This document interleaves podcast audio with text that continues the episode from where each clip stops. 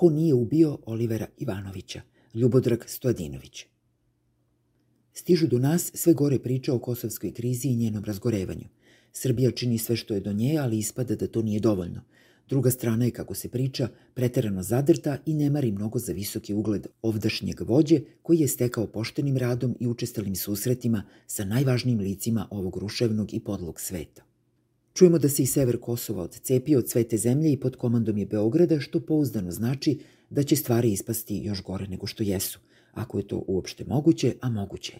U Beogradu boravi predsednikov Intimus, koga je nedavno upoznao, izvesni Milan Radojičić, ranije nepoznat Vučiću, ali poznat nadležnim organima.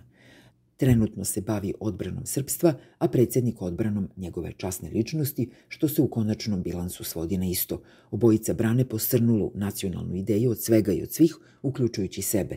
Od njih dvojice, naime, efikasne odbrane još nema. Taj Radojičić utekao pred dugim cevima kosovske policije jer je to bio napad na njega, a samim tim i na srpsku stvar. Tu srpsku stvar prijatelj našeg predsednika drži kod sebe, te zajedno sa njom prebegao u okrilje matice. Izgleda da je kosovska policija imala nakanu da mu postavi neka pitanja u vezi sa ubistvom Olivera Ivanovića. Šta uopšte Radojičić, lider srpske liste, može da ima sa tim zločinom? Ko bi ga znao, treba videti. U mesecima pre zlodela od 16. januara, MR je zajedno sa Markom Đurićem proglašavao Ivanovića jednim od najvećih neprijatelja Srba. Zašto baš njega? Zato jer je Ivanović javno govorio da teror nad Srbima na severu Kosova vrše najjači Srbi i da je to prostor gde se ovlašćeni nasilnici slobodno bave mafijaškim poslovima i da imaju dobre veze u srpskoj policiji. Da li ga je to ubilo? Moguće, ali nije sigurno. Može se verovati da je Oliver Ivanović pao od bratskog metka jer je javno ometao razgranate srpske interese i razularenu mafijašku delegaciju srpskog režima. Opasno je sumnjati bez razloga, ali još je gore odbaciti sumnju zbog vere nijušta. Još nismo ni blizu nagoveštaja da možemo saznati istinu.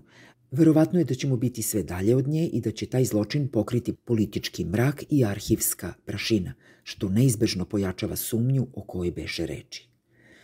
U stvari, moguće je da nismo dobro razumeli korake koje je učinio predsednik u razbijanju tame oko ovog teškog zločina. On je dao odgovor koji neizbežno dolazi iz njegove nastrane logike oivičene bezdušnim poentama. Naravno da ne zna ko je ubio Olivera Ivanovića, u ostalom tu tvrdnju ponavlja češće nego što mora, ali zna nešto, za njega mnogo važnije. Zna ko to nije učinio. Naravno da to manje više znamo svi. Ogromna većina naime to nije učinila. Tako da bi predsednikova tvrdnja bila besmislena i prilično slaboumna, da on nije umesto nevine većine amnestirao samo jednog, tvrdi da u zločin nipošto nije umešan Milan Radojičić, upleten u mutne poslove oko odbrane srpstva, koje je sa svoje strane, dok beše živ, ugrožavao upravo Oliver Ivanović. Po oceni navedenog štićenika vrhovnika ove države i Đurić Marka, crnog gavrana srpske podzemne politike. Na osnovu čega je predsednik izrekao preventivnu amnestiju za svog prijatelja koji je više puta pred policijskim fotografom pozirao i anfas i iz profila i lepo ispao. On zna da Radojičić nije umešan, a kako zna, još ne zna. Ali ako već zna ko nije, predsednik bi morao bar da nasluti ko jeste. Ako njegov pobratim ima alibi, ima onih koji pate od manjka takvog materijala. O njima se ne govori. Ako kosovska policija bilo šta natukne o kretanju istrage, ovde se čuje da kosovske vlasti lažnim optužbama protiv Srba žele da sruše Vučića i Srbiju.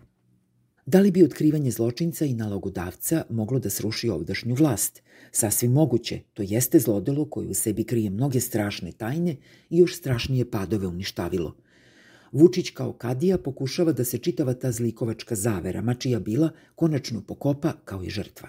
To može da bude njegova živa rana u ostacima savesti i strepnja od svega što je bilo u prošlosti i što još sledi. Mislim da je to njegova kosovska kriza, a ne preganjanje sa Albancima ili taksa za plazmu. Zašto bi inače izrekao nedokazivu tvrdnju, zaustavio istragu i anatemisao sve one koji sumnjaju? Ali ta stvar ne ide tako, niti se tako može okončati. I dalje će Oliver hodati po dvoru i plašiti gospodu i oni se tog straha nikada neće otresti, sve dok ne kažu ko je pucao u neprijatelja koga je žutom trakom obeležio Marko Đurić.